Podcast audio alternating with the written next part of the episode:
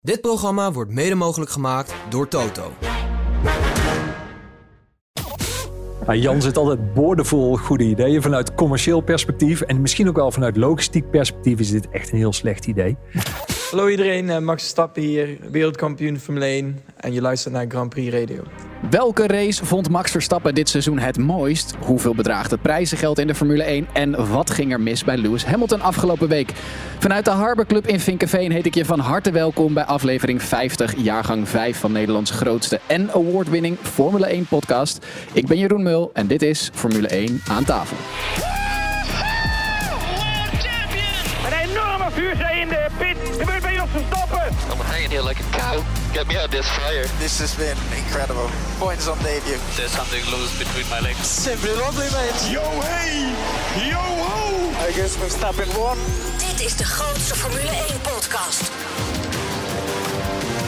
Formule 1 aan tafel. Aan tafel vandaag allereerst algemeen directeur van de Heineken Dutch Grand Prix en het circuit in Zandvoort, Robert van Overdijk. Robert, welkom. Dankjewel. Eh, korte vraag voor jou. Eh, wat was jouw mooiste Formule 1 race van dit jaar? Ja, ik kan natuurlijk niet anders beantwoorden dan, eh, dan, dan Zandvoort. Eh, en het mooie is, op Via Gala hebben we de prijs ontvangen van de meeste inhaalacties dit jaar. Dus van dat stigma zijn we ook weer verlost in Zandvoort dat er niet in te halen valt. Daarnaast hebben we voormalig professioneel wielrenner Nicky Terpstra. Nicky, fijn dat je er weer bent. Dank je. Eh, voor jou ook een korte vraag. Eh, is het prijzengeld van het wielrennen eigenlijk een beetje te vergelijken met dat van de Formule 1? Lang niet. Lang niet. Nee, nee, nee, daar doen we het niet van. En een muziekproducer, DJ en rap van tong, Ronald Molendijk. Fijn dat je er weer bent. Eh, wie had bij, voor jou bij ehm, die- het Via Prize Giving Gala eigenlijk de prijs van volgend jaar beter je op moeten krijgen? Perez. Ja goed, we hebben het eh, er net al eh, kort over gehad. Vrijdagavond werd Max Verstappen op het VIA Gala in Baku voor de derde keer tot wereldkampioen gekroond. Ook de constructeursbokaal werd uitgereikt, net zoals alle andere bekers voor de kampioenschappen en andere raceklasses. Oscar Piastri werd Rookie of the Year en Fernando Alonso kreeg een prijs voor de mooiste inhaalactie, die op Perez in Brazilië. Eh, maar daar wordt dan zo'n heel gala voor georganiseerd. Iedereen allemaal naar Baku. Maar was het niet veel krachtiger geweest als die bokaal voor dat kampioenschap in Abu Dhabi bij die laatste wedstrijd werd uitgereikt? Ja, maar dan komt er niemand naar het gala. Nee, maar ja, goed, dan kan je dat hele gala skippen. Is het daar niet veel sterker? Ja, maar dan kunnen ze al die andere awards natuurlijk niet uitreiken. Dan, dan wordt het een heel gek ding, dat award. Ja, dan, ja dan, dan zou je dat ook allemaal per klasse moeten doen. Robert, Ja. was jij, jij was hierbij? Of was jij? Nee, hier, hier waren wij niet bij. In Abu Dhabi wel. Eh, en volgens mij heeft de FIA ook gewoon zijn jaarlijkse eh, reguliere gala. Dat zouden ze ook kunnen combineren. In Parijs is dat volgens mij ieder jaar. Maar ik snap je vraag. Eh, van de andere kant, eh, het is weer een mogelijkheid dat eh, iedereen bij elkaar komt, sponsoren een ding kunnen doen. En, maar of dat het dan in Baku moet zijn, ja, dat is natuurlijk de vraag. Ik, ik dacht dat juist dit, dat eh, in, in plaats van dat Parijs gala Parijs, was het, gekomen. het toch? jaarlijkse gala. Oh, Oké, Die- keer. Oh, nee, geen idee. Nou, dat zou kunnen. Ehm, Piastri kreeg dus de bokaal uitgereikt voor Rookie of the Year. Was die terecht, Nicky? Ja, zwaar terecht. Nee, die, zeker de tweede deel van het seizoen heeft hij zo goed gepresteerd. Ook eh, wanneer hij onder druk stond. En als, als er een kansje was, dan greep hij hem vaak. Dus eh, ja, ik vind het echt een killer. Heeft uh, Lenne nog wel een zware kluif aan? Ronald? Ja, ja, ik zit even te kijken. Is, dat, is er nog iemand anders? Dat is ook een beetje deze sport. Er komen niet tien rookies per jaar bij. Nee. Dus ja, als je met twee of drie rookies, dan heb je al vrij snel dat hij was ja, de beste dan. Ja, Ja, maar al was het geen rookie, vind ik dat hij het nog knap heeft gedaan. ja nee, maar, maar dan heb je niet de eh, Rookie Award of the Year natuurlijk. Dat is nogmaals in deze sport. Er komen niet per jaar tien nieuwe coureurs bij. Ja, dus de Ik kans weet dat je hem hoe- hoeveel krijgt. rookies waren er dit jaar? Ik weet het niet eens. Volgens mij was hij het vorig jaar ook. Eh, drie. Eh, ja, je zou, nee, nee, het jaar. eerste jaar. Dus, En Nick is even geweest. Ja, die Ja, heeft hem niet dat gewonnen. die Nee, hem die niet heeft hem net Ja, nee, maar gewonnen. ik bedoel over aantal rookies gesproken. Dan, ja. ja. Maar goed, ik vind, ik vind sowieso, of het nou een rookie is of Ja. niet, hij heeft het supergoed gedaan. En als je ziet. Le- eh, Lendo, die laat, laat nog wel eens wat eh, steken vallen onder druk. En dat heeft Piastri helemaal niet. Ehm, iets waar veel meer van geweest is en waarvan dus de award dan misschien nog net ietsje krachtiger was, was ehm, die voor de mooiste inhaalactie van het jaar. Die is dus naar Alonso gegaan voor zijn inhaalactie op Perez in Brazilië. Of Ik is er nog dat- eentje waarvan jullie zeggen, nou die sprong er voor mij echt uit dit jaar? Ik denk dat je die award helemaal niet kan uitreiken. Eh, omdat er niet, de- niet alles staat gewoon op camera.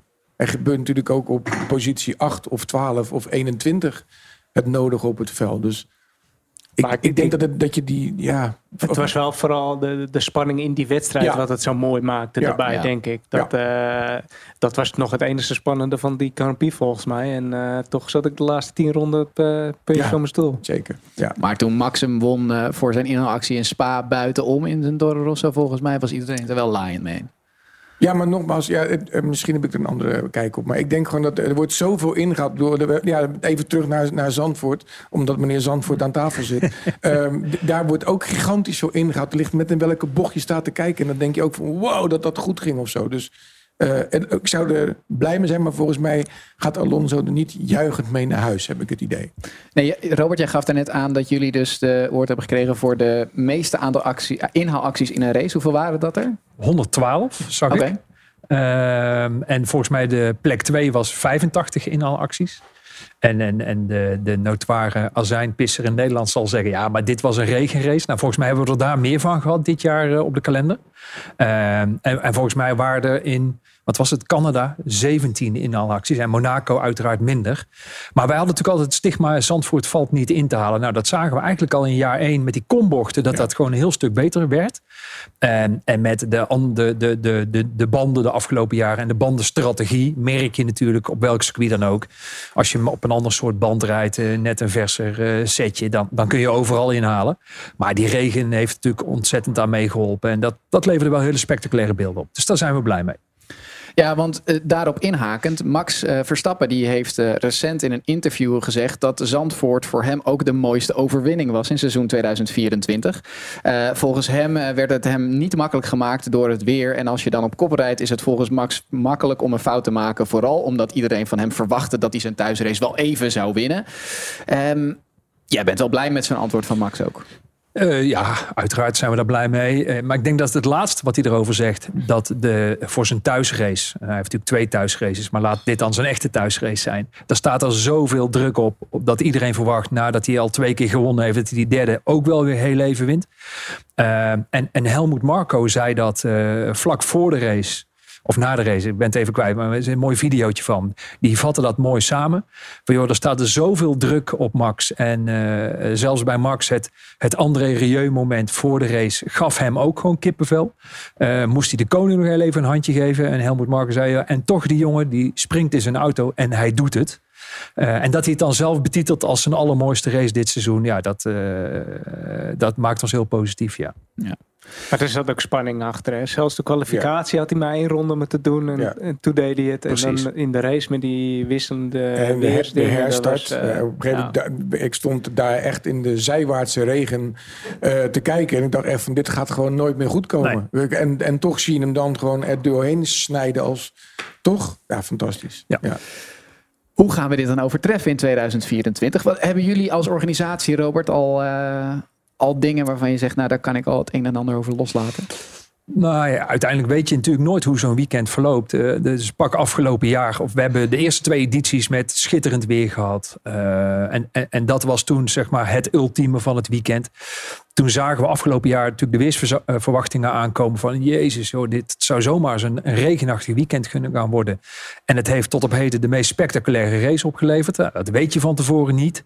Eh, dus, dus sommige, natuurlijk probeer je ook weer iets nieuws te verzinnen dat, dat kan overtreffen. Maar sommige dingen heb je ook gewoon niet in de hand. En ik denk dat wij eh, hebben laten zien nu drie edities in, in, in drie verschillende eh, vormen. Zeker met zo'n regenweekend. Dat eigenlijk met dit Nederlandse publiek eh, in combinatie met een goed presterende Max.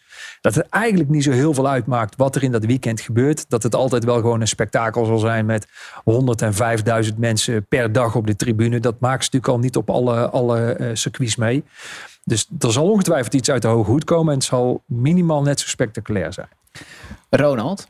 Ja, ik zit te denken, bedoelt hij nou dat we vliegtuigen gaan meedoen? Wat kan je nog meer? Eh, Wauw. Maar eh, laten we het Ja. dan even in- binnen jouw vakgebied. Wie moet er komend jaar dan het volkslied gaan Oeh, ten dat- gehore gaan brengen? Ja, nou dat weet ik wel. Ja? Ja, ja ik zou heel graag een keer een gospelkoor eh, willen horen. Eh, Traditioneel Nederlands gospelkoor. Nee, nee, nee, zeker niet. Gewoon echt een, eh, echt een eh, gospelkoor eh, die gewoon dat Nederlandse volkslied gewoon eens een hele kleine opfrisbeurt geeft. Met een beetje soul erachter. Dat zou ik wel heel fijn vinden. Dat is ook een heel mooi signaal gewoon naar de, de samenleving toe. Er is meer muziek dan wat we nu laten zien en horen op de Nederlandse radio. Zou ik heel voorstander van zijn. Je hebt mijn nummer. Ja, nee, zo. het is een goed idee. Ja. Goed, alle kranten stonden ermee vol. De belangenverstrengeling van Mercedes-baas Toto Wolff en dienstvrouw Suzy, die directeur is van de Formula One Academy. Ehm, dit kwam aan het licht toen Toto Wolff in een meeting een opmerking maakte over informatie waar alleen VIA-personeel weet van zou hebben. Suzy Wolff zou door haar rol als directeur in de Formula One Academy-serie eh, toegang hebben tot die informatie en deze doorgespeeld hebben aan haar man. De FIA zegt nu dat het onderzoek gestaakt is. Alle tiende teams brachten ook in een statement naar buiten niet de aanstichter te zijn van dit onderzoek. Ja, dit was wel weer eventjes eh, shownieuws, boulevard, Formule 1 ten top. Eh. Nou, ik denk eigenlijk eh, eh, NPO 1 po- politiek achter de schermen. Want Absoluut. In, in onze entertainmentwereld is het altijd vrij makkelijk te herleiden wie, wie een pootje probeert te lichten. Maar hier, ik moest eerst uitzoeken wat is deze vrouw haar taak dan? En wat doet die man dan precies? En, hoe, en wat gebeurt er dan? En nee, ik was vrij snel de draad kwijt. Wie beticht wie van wat en wie heeft daar wat bij te winnen? ja. Kon niet volgen. Nee, want het, het zou er dus over gaan dat Suzy Wolf, de vrouw van Toto Wolf, Ja. gij- of missen, eh, nou ja, informatie die ze niet door mocht spelen aan haar man door zou hebben gespeeld. Ehm, Maar ik, wist, ik kon niet zo goed begrijpen wat dan de winst voor Toto Wolff was in het Ja, hele of, verhaal. of, vanuit, of vanuit Suzy Wolf. Ehm, overigens ken ik Suzy Wolf heel goed. Ehm, en, en, eh, want we hebben volgend jaar ook F1 Academy. De dames rijden op Zandvoort. Dus we zijn heel veel met haar in gesprek. Als ik nou één integere dame eh bloedfanatiek ken, dan, dan is zij het. Maar ik ben het met Ronald eens. Dit is politiek. Hè. Dit, is- dit geeft nogmaals aan, eh, en dat is al een paar keer eerder gebeurd de afgelopen twee jaar, hoe dat de FIA en FOM eh, met elkaar omgaan. Ja. En het lijkt wel of dat daar een onderlinge concurrentiestrijd is.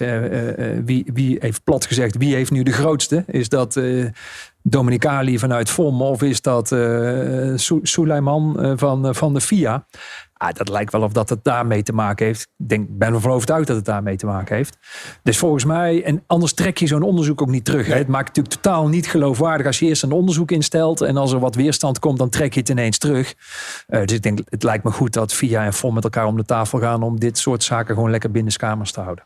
Ja, want eh, ik zag ook een, een post dan van Suzy Wolf... die na aanleiding van het terugtrekken van het artikel ook zei van... oh, is, is dit het? Ja. Geen sorry, niks, niet. Nee, ik word en- helemaal door het slijk En gehaald. schade al aangericht. Hè? Ja. Want dat is ook een beetje hoe de hedendaagse online wereld werkt. Eh, vroeger had je nog wel eens dat je als misdadiger op de voorpagina werd gezet. En dan kreeg je de rectificatie in pagina 12 heel klein. En nu word je als misdadiger op de voorpagina gezet. In de rectificatie staat bij Google nummer 888. Vind je nooit meer. Nee. Als je haar naam nu intoetst, krijg je dit gezeik. That's it. Ja, want eh, Wolf heeft nu ook nog aangegeven... misschien naar de rechter te willen stappen... om, eh, om openheid van zaken te krijgen bij de VIA. Gaat dit zin hebben, denk je, Robert? Nou ja, nogmaals, en dat zal, tot die conclusie zal zij ook komen als de emotie dadelijk denk ik gedaald is. Hoe meer zij er nu over zegt, des te meer aandacht blijft er voorkomen. Dus eh, volgens mij, de algehele publieke opinie zal zijn van joh, volgens mij is er niet heel veel aan de hand. Is dit politiek? Als ik haar was, zou ik het daar lekker bij laten. En, en achter de schermen die gesprekken aangaan met, eh, met haar werkgever FOM en, eh, en FOM met VIA. Maar het is toch wel heel erg ehm, nou, heftig dat dan Mercedes, of in dit geval een persoonlijke relatie van Toto Wolff en Suzy Wolff, dan wordt gebruikt om dat machtsspelletje of dat politieke spelletje tussen die twee organisaties te spelen. Eens. Ehm, en, en dat had voorkomen kunnen worden. Tenminste, ik neem aan dat FOM erover nagedacht heeft toen zij Suzy Wolf aannamen voor die functie. dat haar man toch ook wel een, een prominente rol aan het vervullen is eh, bij een van de teams. Hè. Dus, en van- ik ben ervan overtuigd, een professionele organisatie heeft zaken zo ingericht dat dat ook naast elkaar zou kunnen. Alleen ik ben het met Ronald eens. Ja, er hoeft maar één iemand de suggestie te wekken dat er iets niet klopt. En, en je bent al op voorhand veroordeeld. Dus eh, ja, daar, daar kun je bijna niets tegen doen. Doen ze bij Red Bull wel slimmer. Hè? Daar kan hoogstens de Spice Girls een keer gaan optreden. Ja, toch nog een beetje daarop uh, op doorborduren. Naast het feit dat Lewis op het uh, VIA-gala kritisch was op de Autosportfederatie rondom dit onderzoek naar uh, Toto Wolff en Susie Wolff, heeft de zevenvoudig wereldkampioen nog voor meer opschudding gezorgd. Hij heeft namelijk zijn beker voor de derde plaats in het WK achtergelaten in Baku. Volgens velen had dit te maken met dit onderzoek naar zijn teambaas en dienstvrouw, maar volgens Mercedes had dit te maken met het feit dat de beker dan sneller opgestuurd kon worden naar het team. Uh, moeten we hier, moeten we hier een praktische oplossing? Even voor de luisteraar. Uh, links naast mij zit iemand die heeft heel veel ervaringen met bekers. Ik stel voor dat je die vraag bij hem neerlegt. Ja, ik kan me voorstellen dat hij niet heel erg geïnteresseerd is in die trofee. En dat... Ja, dus jij gaat voor optie 3, die hele trofee kan hem niet zoveel schelen. Ja, of hij is hem echt gewoon vergeten. Of ja, ik weet het niet, ja. Maar ik bedoel, hij wil hem niet mee naar huis nemen. Dat, uh, hij, hij, is er niet blij mee. Nee. En uh, ja, dan neemt zo'n ding weer uh, kastrend in. Maar, maar wordt, stuur maar op naar Mercedes. Het is wel goed. Wordt er nou nu te veel gelezen, zeg maar, in ja. de reden ja. waarom hij zijn trofee achtergelaten zou hebben? Ja, dit, is, uh, dit is echt heel boulevard, dit inderdaad. Ah, toch? Daar werk ik niet bij. Dus. Oh. oh, nee, we, we, kijken meteen naar links, maar dat... um, nou, um, is het zo dat er uh, natuurlijk genoeg kritiek is geweest op, uh, op Lewis. Ook hier. Zeker. Uh, ook op andere plekken. En verdient ook. Hè? Verdient wel. Ja, ja, dat was dus even mijn vraag. Ja. ja. ja. Nou, want de, de man um, was verschrikkelijk goed in winnen. Uh, maar is de laatste tijd verschrikkelijk goed geworden in het zeiken. Over alles en nog wat. Over banden, over regendruppels, over uh, iets wat georganiseerd wordt. Trekt constant die groene, we moeten vergroenen kaart. Terwijl ik wel gewoon denk, ja, je zit in een sport waar dat gewoon nou niet altijd top of mind is. En misschien moet je dat ook af en toe gewoon accepteren. We vliegen over de hele planeet omdat iedereen in de wereld wil die sport hebben. Nogmaals, tegenover me zit meneer Zandvoort. Ik denk dat hij wel kan vertellen hoeveel circuits er op zijn uh, plaatsje op de agenda uh, azen. Dus ja, die, die sport is gewoon wat het is. Ja. Nou is er trouwens één uh, Engelsman die heel erg blij was met het falen van uh, Lewis Hamilton dit jaar. En dat was de meneer die twee keer 25 pond heeft gewet op dat uh, Lewis Hamilton geen podium zou scoren en Mercedes überhaupt geen podium zou scoren. En die heeft 21,5 keer zijn inzet gewonnen. Ja. En die ging dus met 1075 pond naar huis. Ja, goed gedaan. Goed gedaan. Ja. Maar heeft hij nooit op het podium gestaan? nee, sorry, hij heeft geen wedstrijd gewonnen. Oh, nee. oké. Okay. En, ja. en sorry, en Mercedes ja, heeft ja. ook geen wedstrijd nee, gewonnen. Nee, nee. Correct. Scherp. Zometeen zijn er prijzen te winnen in F1 aan tafel met Raad het Autogeluid. Ook beantwoorden we een vraag van een luisteraar die is binnengekomen op F1 aan tafel at grandprixradio.nl. En een gouden tip wordt ook eens lid van ons Telegram kanaal. En krijg onder andere achter de schermen content van deze podcast. Dit kan je vinden door in je Telegram app te zoeken naar F1 aan tafel. Tot zo! Kaarten voor de officiële Max Verstappen-tribunes in 2024 voor de grote prijs van Oostenrijk, Hongarije en België zijn vanaf nu alleen verkrijgbaar bij Verstappen.com. Moedig Max ook in 2024 aan en koop snel je kaarten. Verstappen.com is het enige en officiële verkoopkanaal van tickets voor de Max Verstappen-tribunes. Uh, we call that simply lovely. Bestel nu de allerleukste gepersonaliseerde cadeaus bij printdingen.nl. Zoals heerlijk warme vliesdekens met je eigen ontwerp erop of de mooiste handdoeken en badlakens. Ook met unieke raceafbeeldingen. Leuk voor jezelf of om cadeau te geven. Printdingen.nl Jippie ja ja ja ja jippie Jippie jee jee Jippie ja jippie Ja, wat zijn we trots. Het is gewoon weer gelukt. Hornbach is voor de zeventiende keer uitgeroepen tot beste bouwmarkt van Nederland. En dat niet alleen, ook zijn we voor de zesde keer beste webshopbouwmarkt geworden. En daar kunnen we natuurlijk maar één ding op zeggen. Dit programma wordt mede mogelijk gemaakt door Discovery. Dit is Formule 1 aan tafel, de grootste Formule 1-podcast van Nederland. Even een blik in de mailbox. We hebben een e-mail gekregen van Wim Rademaker uit Arnhem. En hij vraagt via f1 Robert, jij zit natuurlijk bovenop het vuur met betrekking tot alle plannen en innovaties met betrekking tot de Grand Prix weekenden. Volgens mij was je aanwezig in Las Vegas. Zijn er nou aspecten die je daar gezien hebt die je ook zou willen implementeren in of tijdens het Grand Prix weekend in Zandvoort? Heb je bijvoorbeeld ook wereldsterren uitgenodigd om aanwezig te zijn in Zandvoort? Nou, interessante vraag. Uh, dus eigenlijk als je allemaal had gevraagd van wat vond je de meest imposante uh, Grand Prix op de kalender, dan vond ik dat oprecht Las Vegas. Mm -hmm. Ik weet natuurlijk dat er heel veel kritiek aan de voorkant uh, op Las Vegas is geweest. Ik, ik bekijk het vanuit uh, promoter uh, view. En zeker als je daar ook gewoon rondloopt en weet hoe dat zo'n operatie er logistiek uitziet twee keer per dag die strip gewoon afsluiten voor dagelijks verkeer. Omdat er even wat racewagens overheen moeten komen. En dan weer opengooien voor regulier publiek. Het is nog nooit ergens vertoond in de wereld.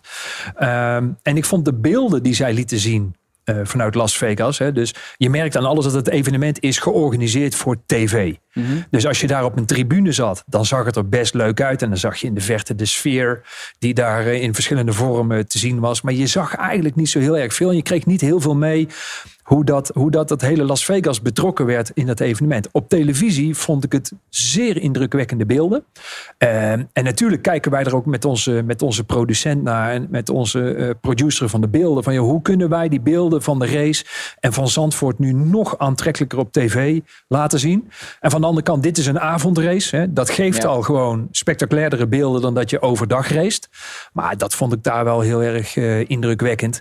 En over die wereldsterren wij krijgen ook wel eens verzoek van Nederlandse wereldsterren. Hè, die best wel willen komen. Eh, maar of dat we dan heel even grid toegang willen regelen en dat soort dingen. Dan zeggen joh, blijf lekker thuis en ga lekker voor de televisie zitten. Maar internationale sterren naar jouw evenement weten te krijgen. Weet je, die komen op zich ook niet alleen voor het evenement. Die komen voor een ander, in combinatie met een ander evenement of met een optreden of in combinatie met Amsterdam. Ah, dat zou wel leuk zijn om toe te voegen. Dus daar gaan we eens even over nadenken. Maar ik kan mij nog herinneren dat dit jaar bijvoorbeeld ook Steve Carell over de grid liep. Ja, maar die is dan... Die, die is dan gast bij Red Bull. Nou, en dat, dat is... Mensen denken vaak dat die Grand Prix die sterren zelf uitnodigen. Meestal zijn ze gewoon te gast bij een van de teams.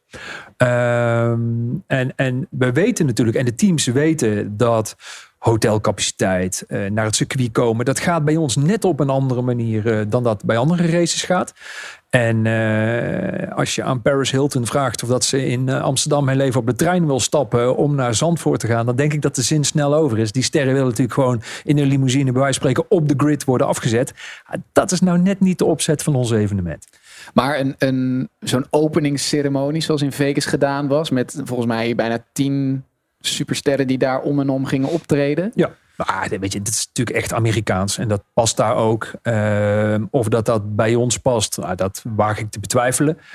Uh, Max had daar natuurlijk weer hartstikke mooi commentaar op hoe leuk dat hij dat vond, hè, die openingsceremonie. Uh, of dat dat terecht is, is een ander verhaal. Kijk, zij, zij moeten ook iets extra's brengen. Er is, geen, er is geen harde fanbase daar. Er is nog geen fanbeleving zoals wij die uh, laten zien op de tribunes.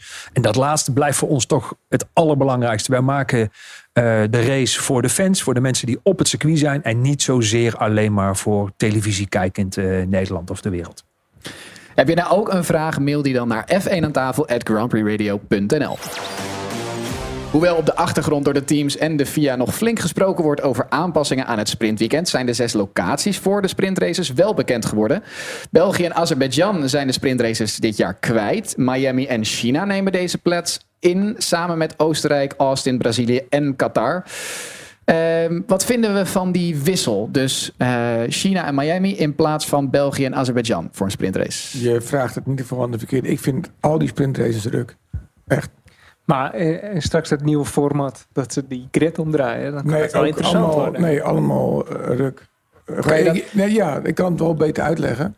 Uh, het is heel erg ruk. Uh, omdat, uh, ja, nee, maar omdat het haalt gewoon echt wel een heel essentieel onderdeel van, van racen zoals ik het graag beleef weg. Maar dat komt omdat ik ook de trainingen vind ik interessant. Ik vind ook de kwalificatie maar welk, interessant. ja, want welk onderdeel haalt nou, het dan weg? Je, je kan dan zien dat Formule 1, maar eigenlijk elke race wordt, maar zeker Formule 1, is een teamsport. En door de- sprintraces wordt het, wordt het nog meer op het poppetje die in de auto neergezet. En ik vind het juist zo mooi dat ze op een circuit komen en dat ze dan die auto gaan fine-tunen. En dan vind ik het ook fijn om het commentaar van een cou- coureur te zeggen: ja, krijgt Maar die je auto gewoon niet goed, het zit niet lekker. En dan ineens op die zondag, dat, dan moet het gebeuren. Dat vind ik. Dat, dat Dus is een soort helden. al die vrije trainingen te kijken. Correct. Ja, Ja, er zit een soort helden. Voor mij zit er een soort heldendom in om die auto toch op die zondag goed te krijgen. Robert, als organisator, promotor, hoe kijk jij dan naar dat concept sprintrace? En had Zandvoort er graag in willen hebben? Uh, nou, laat me het eerst beginnen. Dus ik snap wat Ronald zegt, maar nu heel even vanuit het perspectief van de leek. Ja. Ja. Hè? Uh, want hier zit een, een echte hardcore autosportliefhebber uh, uh, aan tafel. Uh, ik vind het sprintrace concept wel uh, interessant. Maar vanuit event organization uh, perspectief. Hè? Dus uh, vrijdag, zaterdag, zondag. Waarbij natuurlijk iedere race op, op, zondag is uitverkocht. Op zaterdag wordt het voor sommige Grand Prix al ingewikkelder om uit te verkopen. En de vrijdag zijn er Grand Prix, daar kun je echt de kanon afschieten. Door dit sprintrace concept wordt ook de vrijdag ineens heel interessant. Uh, en niet alleen vanuit uh, perspectief van de kijker, maar ook vanuit perspectief van de sponsor. Want er gebeurt wat. Je hebt maar één vrije training, je hebt de kwalificatie. Uh, dus, dus die vrijdag krijgt ineens een hele andere betekenis qua spannendheid dan dat die in het originele concept plaatsvindt. Hè? Dus, dus als autosportliefhebber denk ik dat Ronald gelijk heeft. Vanuit perspectief van een promotor of een, een Formule 1 liefhebber zijnde een leek, dan is dat sprintconcept natuurlijk gewoon veel interessanter. Uh, zouden wij die gehad willen hebben? Nou, wij wisten waar ze in 24 naartoe gingen. Ah, ik vind het nog steeds wel interessanter met ons ook de hele organisatie om te kijken of dat wij in 25 toch echt wel een sprintrace naar Zandvoort kunnen halen vanuit dat perspectief. Of dat dat lukt is een ander verhaal. Maar ik vind het wel een interessant concept. Ik heb alleen het idee, tenminste, ik ben uh, de een van de gelukkigen geweest om bij de vorige edities geweest te zijn. We hebben het niet per se nodig om de mensen er naartoe te trekken, lijkt mij. Nee, nu niet. Uh, we hebben natuurlijk drie schitterende edities gehad. Van de andere kant, wij zijn als Nederlanders ook vrij snel verveeld. Hè. We hebben nu drie races in Zandvoort gehad. Max heeft drie keer gewonnen en hij is drie keer wereldkampioen. Uh, dus dan is verandering van zo'n concept ineens wel weer iets nieuws wat je toevoegt aan zo'n weekend. Dat zou best interessant kunnen zijn. Um, even kijken, maar dan kijken we wel even naar dus de wedstrijden die het dit jaar of komend seizoen wel gaan worden. China en Miami. Nicky, heb jij daar warme gevoelens bij of helemaal geen gevoelens ik bij? Weet kan het je niet soms, soms denk je dat een hele sprintrace heel spannend wordt en dan is het echt helemaal niks aan. En, en soms verwacht je het niet en dan wordt het wel spannend. Dat, uh, kijk, ze, ze, zitten natuurlijk wel te kijken of het concept anders wordt uh, met reverse grid. Ik denk dat dat wel interessant wordt. Alleen het moet dan geen invloed hebben op het wereldkampioenschap. Want dat moet echt sportief blijven. Maar dat heeft en dan het is dus het wel. wel. Nou ja, nu wel. Maar Ja. als ze die punten niet gaan meetellen, dan krijg je gewoon eigenlijk zaterdag een heel, uh, heel toffe race te zien. Die niet meetelt voor het WK. Ja, en dan vind ik het wel interessant worden. Ja, maar dan rijden auto's plat of je rijdt ze niet plat. En, en dat, dat vind ik er gewoon lastig aan. Ik heb er zoiets van, uh, zeker ook als een, als een team wat meer achteraan rijdt. Hè, die probeert desperate die aan te haken bij die top. Ja. Uh, die, die hebben misschien al die data niet of ook misschien de financiële middelen niet. En die kunnen soms op zondag gewoon een absolute heldendaad uithalen. Door gewoon een belachelijke keuze in de afstelling te nemen. Of iets met de banden te hebben gedaan. En, en ik zeg, er zit voor mij een soort heldendom status in die zondag. Ik echt, daar, daar geniet ik echt van. Ik merk ook bij, bij MotoGP, hè, waar ik groot fan van ben, is elk weekend nu een sprintweekend. En je merkt gewoon dat, dat, die, gaan, die gasten gaan ook al in dan. Ze denken, ja, fuck it, het is tien rondjes op de limiet. Die banden redden het wel, we kijken wel. Maar daar gebeuren ook de heftigste ongelukken het hele jaar door. Omdat iedereen een soort extra risico neemt. Ja, en van de andere kant zou je kunnen zeggen, er is een budget cap. Hè? Ja. Dus, dus die risico's worden op een natuurlijke wijze al ingedampt. Want anders hebben ze als te veel schade rijden, dan redden ze het einde van het jaar niet. Dus daar is ook wat voor te zeggen. Dit is jouw kans op een volle tank brandstof voor je auto bij Tink, de Flitsmeister 2 en een fles Ferrari Formule 1 Trento Doc. De bubbels bekend van het podium in de Formule 1. Want we spelen weer Raad het autogeluid. We gaan naar Mario de Pizzaman. Heb jij je kerstinkoop al gedaan, Jan? Zeker, zeker. Mooiste tijd van het jaar. Lekker met kindjes, kleinkindjes blij maken. Heerlijk. Staat je boom al? Mijn boom staat altijd. Oké, okay. uh, dan gaan we het nu over die auto hebben waar je in zit. Ja. Zwart? Ja, zwart, Honda die We zitten niet in een B, maar in een E. hey, en een uh, sterretje? Een ster erop, ja zeker. En uh, Ja, je, je, je bent niet zo spraakzaam vandaag. Waar ligt het Niet zo aan? spraakzaam. Ja, ja, ja, ja, Mario. Eh, wat zou je graag willen weten van deze auto? Het kenteken. Het kenteken. Ja, 178 in het midden. 178 midden, een E-klasse, een zwarte, AMG, een dikke 400, Burmeister Sound erin, elektrische stoelen, memory stoelen, geheugenstoelen. Ik heb ze op weg geholpen, hè? Waar vinden we deze auto? Natuurlijk vinden we deze op www.paulvanbergen.nl. Ja, daar vind je hem wel. Welke auto zoeken we? Stuur je antwoord uitsluitend en alleen naar f1 aan tafel grandprixradio.nl. De winnaar van vorige week is Maurice Theeuwen. Gefeliciteerd, je wint een volle tank brandstof bij Tink, de Flitsmeister 2, zodat je niet meer te hard rijdt en een fles Ferrari Formule 1 Trento Doc. Bekend van het Formule 1 podium. Je, je kan nog wel steeds Ja. te hard rijden als je wil. Het kan nog wel. Maar het wordt alleen tegen je gezegd. Je, je rijdt nu te hard. Be- je liet beter niet te hard rijden. Nou ja, bepaal je natuurlijk zelf. Daar heeft die app niks over te zeggen. Madrid en de Formule 1 zijn dicht bij een overeenkomst voor een race vanaf 2026. Als die race dan naar Spanje gaat, dan geven de organisatoren waarschijnlijk een voorkeur aan een avondrace. De autoriteiten in Spanje zijn er nog geen fan van, maar als het aan de organisatoren ligt, wordt het de allereerste Europese nachtrace. De traditie is namelijk dat de Europese races altijd rond drie uur 's middags lokale tijd verreden worden. Robert, voor de uitzending hadden we het heel kort eventjes over dit onderwerp. En toen gaf jij aan hier al het een en ander over te weten. Wat kan je hierover kwijt? Nou ja, kijk, uiteindelijk eh, als je veel in de paddock loopt, dan hoor je natuurlijk gewoon eh, geruchten. Wat ik, wat ik hoor is dat Madrid wel degelijk op de kalender gaat komen. Mhm. Eh, dat er nog gestoeid wordt over welk jaar dan het eerste jaar zal zijn. Omdat Barcelona natuurlijk een race heeft, een contract heeft tot en met 2026. Eh, dus is dan in 26 met twee races in Spanje of pas in, in 27. En van de andere kant, kijk, uiteindelijk heb je Spanje ook weer een hele aparte politieke situatie. Dus de Catalaanse overheid wil natuurlijk dolgraag op die kalender blijven. Eh, en Madrid vertegenwoordigt niet de Spaanse overheid. Ja, misschien wel.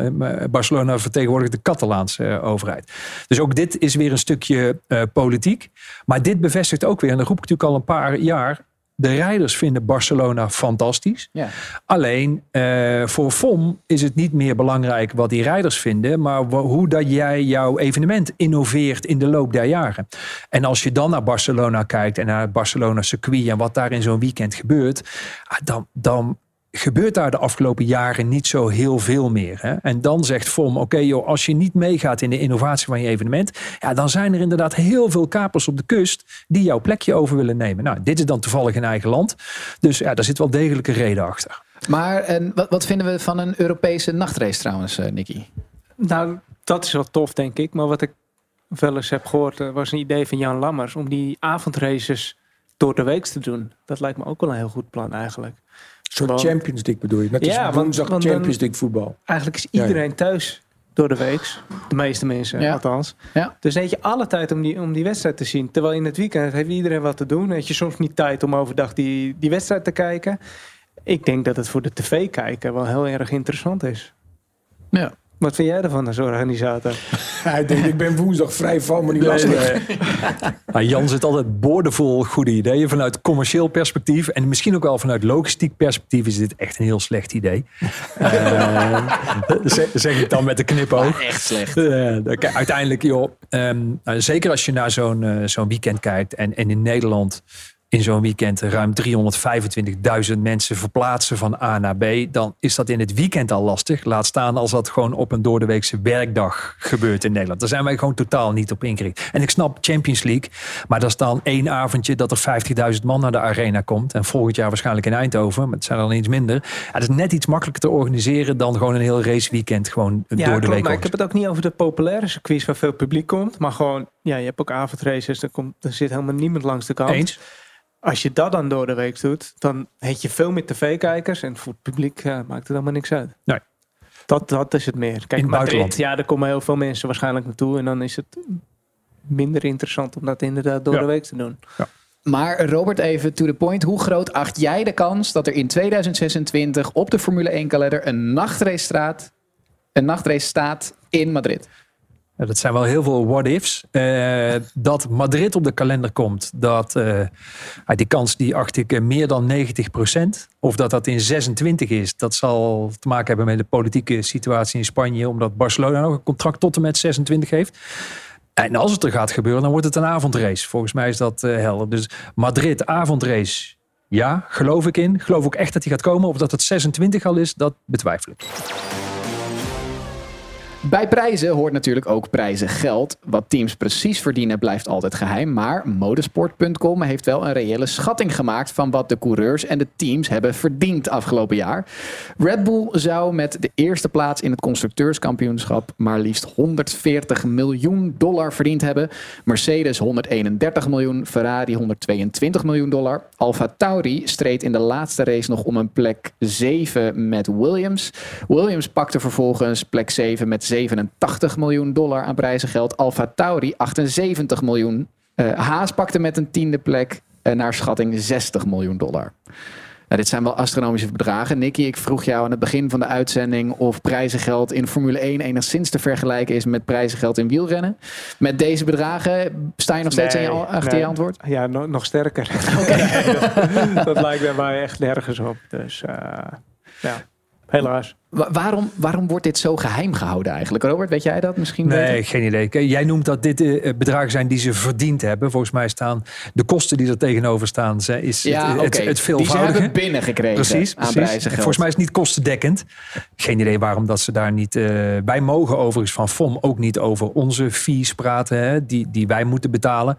Eh, daar zijn we natuurlijk ook wel eens benieuwd naar wat andere races moeten betalen. Dus ja, over geld praten we niet zo heel erg makkelijk volgens mij. Nee, want in NASCAR bijvoorbeeld, dan wordt het gewoon ook neergezet naast het aantal punten van wie heeft het meeste geld verdiend. Of tenminste het meeste geld gewonnen dit Ja. jaar. En wordt dat echt als een soort ranglijst bijgehouden. Sterker nog, als je bijvoorbeeld een, eh, een eh, ATP-toernooi op tennis eh, wint, dan krijg je gewoon die check aan het eind van de wedstrijd. En dan staat Ja. gewoon op eh, Citibank betaalt je heel graag 2 miljoen dollar Ja. voor het Is dat winnen bij van. de, in, in die 500 ook? Ja, ja, ja, zeker. Ja, ja. Ja. Zeker, zeker. Eh, ja, want eh, ja, de, in, in andere sporten is dat veel gangbaarder. Maar eh, het is nog steeds niet helemaal duidelijk waarom dat nou hier... Misschien nog een overblijfsel van Bernie Ecclestone. Want ik zou me voor kunnen stellen dat zeker in het hè, mediatijdperk van Liberty Media... Dat ze, en het Amerikaanse format, dat ze dat toch wel liever naar voren willen brengen. Nou, in, in heel veel sporten, ook eh, in Europa of in Engeland, heb je een order of merit. Of dat het nu golf is of darts, waarbij de wereldranglijst bepaald wordt eh, op basis van het aantal eh, dollars of euro's dat je verdiend hebt. Ja, dat is een format, dus volgens mij hoef je daar helemaal niet eh, geheimzinnig over te doen. Nou, ehm, las ik net dus eventjes dat staatje op met eh, de verschillende bedragen. En daar kunnen we zien dus dat Haas, die als tiende is geëindigd, als laatste constructeur, 80 miljoen dollar minder heeft ontvangen dan Red Bull wat gewonnen heeft. Vinden we dit een reëel verschil? Ja, tuurlijk. Ja, je hebt niet gewonnen.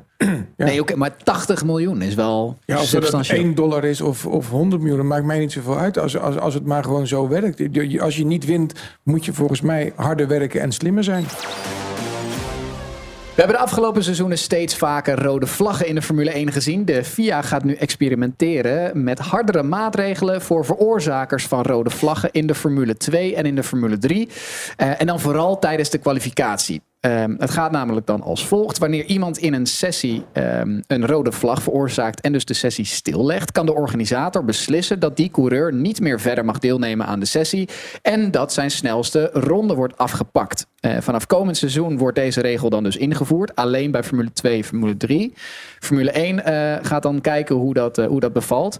De FIA heeft bewust de mogelijkheid opengelaten door het woord kan in te voegen. Hierdoor blijft er ruimte voor de stewards om in afzonderlijke of in uitzonderlijke gevallen of in het geval van een ongeluk geen straf uit te delen. Is het een goede zaak überhaupt dat hier straffen voor worden ingericht? Nee, vind ik echt. Het is ook, is ook echt onhoudbaar. Want het, het heeft alles te maken met interpretatie van wat er dan gebeurt. En dan, dan krijg je weer van die dingen dat iemand zegt: ja, maar luister, ik deed dit niet expres. Nee. En iemand anders doet het dan weer wel een keer expres. En dat, dit werkt gewoon niet. En dat is ook een van die regeltjes in de Formule 1. Dat, dat regelboek wordt maar steeds dikker. Omdat de andere, aan de andere kant bij de teams steeds meer macht komt. Die gewoon zeggen, ja, maar als we dat ene woordje in die zin... ja, daarmee kunnen we dus een protest indienen. Ja. Maar als je het nou gewoon simpeler doet met die kwalificaties, dat ieder zijn eigen ronde krijgt. Ja, dat je Dat is weer naar het oude format. zo'n shootout. Ja, en het is veel veiliger, want het gaat nu een keer natuurlijk fout. Hè? Dat er eentje met 30 per uur eh, in de buitenbocht rijdt en eh dan knalt er iemand bovenop met eh, ik weet niet wat voor snelheid. Zeker in Saoedi-Arabië waar je die blinde bocht hebt. Het is gewoon levensgevaarlijk en het gaat altijd maar net goed. Ja, het gaat een keer helemaal fout. Hoe zie jij dat, Robert? Nou, volgens mij, eh, ik ben het daarmee eens. Waar het denk ik om te doen is, en dat leggen ze niet goed uit. Daarom doen ze het denk ik alleen bij Formule 2 en de Formule 3. Daar zitten natuurlijk de echte jonge gastjes in de auto.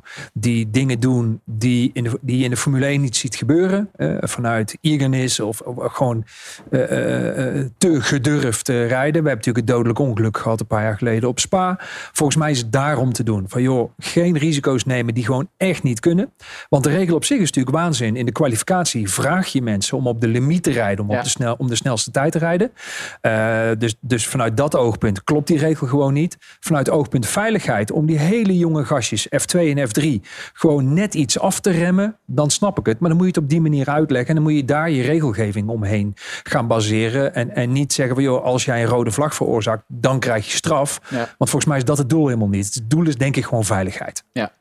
Maar eh, Nicky gaf terecht aan van eh, laten we dan weer teruggaan naar dat ouderwetse shootout format eigenlijk in Formule Ja. 1 eh, kwalificeren. Hoe zie jij dat Robert? Is dat iets... Nou ja, kijk, dat, dat kan. Ehm, wat, het probleem zit hem denk ik echt in de opstapklasse. Hè? En het kan ook best zijn dat je daar net een ander format lanceert in het weekend dan bij Formule 1. Hè? Dus waarom moet, dat, moet die regelgeving voor alle klassen hetzelfde zijn? Nou ja, ik denk toch ook omdat je in die juniorklasses wil je die rijders klaarstomen voor Formule 1. En als je dan inderdaad dus die formats redelijk gelijk houdt, dan bereid je ze ook op de juiste manier voor. Maar kijk, in de huidige kwalificatie zit ook wel, ook wel een soort mooiheid in. Hè? Dat er ook een be- bepaald gevaar in zit. En bedoel ik niet gevaar op, eh, op eh, botsingen. Maar ook dat je het mist omdat je te langzaam aan het rijden was. En wat er ook in zit, dat je nog ouderwets je teammaatje kan helpen met een slipstreamtje. Dat zit er ook in. Ja. Luister nou gewoon naar mij. Laat het nou gewoon allemaal zoals het was. Dat is echt...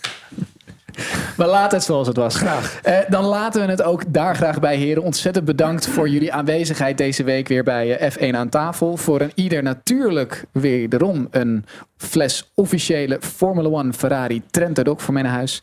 Eh, dezelfde flessen die eh, ook worden uitgereikt op het podium bij de Formule 1. Lekker. Eh, volgende week gaan we terugblikken in het jaaroverzicht op seizoen 2023. Dan schuiven aan Rob van Zomeren, Frans Verschuur en Olaf Mol. Presentatie wordt dan verzorgd door Mattie Valk. Dit was Formule 1 aan tafel voor deze week. Redactie in handen van Sjaak Beumer. Beeld Rob Steltman. Productie Mario de Pizzaman. En montage Marnix Westhuis. Ik ben Jeroen Mul. Dank voor het luisteren. En na de break praten we hier aan tafel nog even na. Dus laat de podcast nog even doorlopen. Dit is de grootste Formule 1 podcast. Formule 1 aan tafel. I don't even like podcasts. They make me fall asleep, so... Vlieg met GP Ticket naar de Grand Prix van Spanje. GP Ticket heeft een privécharter hiervoor ingezet. Compleet met 4 sterren hotel, transfer van en naar het hotel en de mooiste tribuneplaatsen. Nu voor 1195 euro. Kijk voor alle Formule 1 reizen en losse tickets op gpticket.nl. Denk, Dink, Max Korting. Profiteer en race nu naar dink.nl. WePly zet jouw websitebezoekers om in bruikbare leads. Met de volledig uitbesteden livechat van WePly haal je meer waardevolle leads uit je website. Al meer dan 2000 tevreden bedrijven gingen hiervoor. Probeer WePly 7 dagen gratis en ontdek het gemak van sales gekwalificeerde leads rechtstreeks in je inbox. Kijk op wePly.nl slash Grand Prix Radio voor meer informatie. Onze hele tafel is weer volgezet met van allerlei heerlijks. Wat, eh, wat hebben wij vandaag op tafel staan? Ik heb voor jullie twee rolletjes sushi, waarvan de linker een salmon torch met gebrande zalm. Eh, de rechter is een budamaki, die is vega. Dan heb ik hier eh gefried gnocchi voor jullie, met wat groente en parmezaan eroverheen, is ook vega. Ik heb hier een gegrilde tonijn en een spring chicken. Dan heb ik hier vier, vier beef taco's en twee avocado taco's. Avocado taco's zijn ook vega. Geweldig. Mag ik nog wat vragen? Zeker. Wat doet een spring chicken? Een, spring chicken houdt in een, een frisse kip, een lentekip. Ah, Vandaar spring Niet dat die van je bord- Nee, Nee, hij, blijft gewoon hier staan. Hij zal niet springen. Eh, Eet smakelijk. Dankjewel. Dankjewel. Dankjewel, zeker, zeker. Hey, ehm, eh, eh, Ronald, jij hebt een buitengewone interesse hierin. Ga jij nou met de kerst ook volledig de keuken in Ik spring chickens haat maken? kerst. Ja, haat kerst. Ja. Ik vind het echt vreselijk.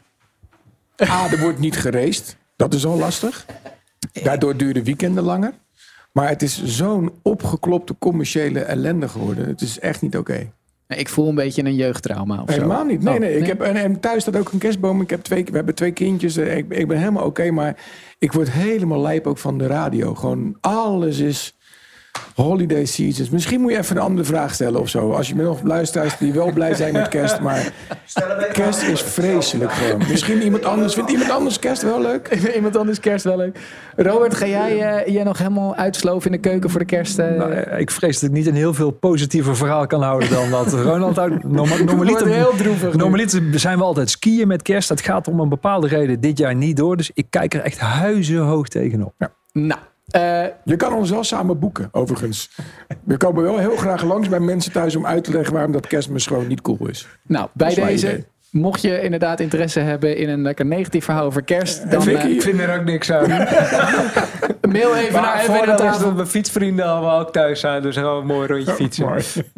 Let op. Alle gebruik van hetgeen in deze podcast F1 aan tafel wordt opgemerkt is ongeoorloofd. Zonder expliciete schriftelijke toestemming te zaken verkregen van Grand Prix Radio. Met inachtneming van een duidelijke, deugdelijke bronvermelding met link.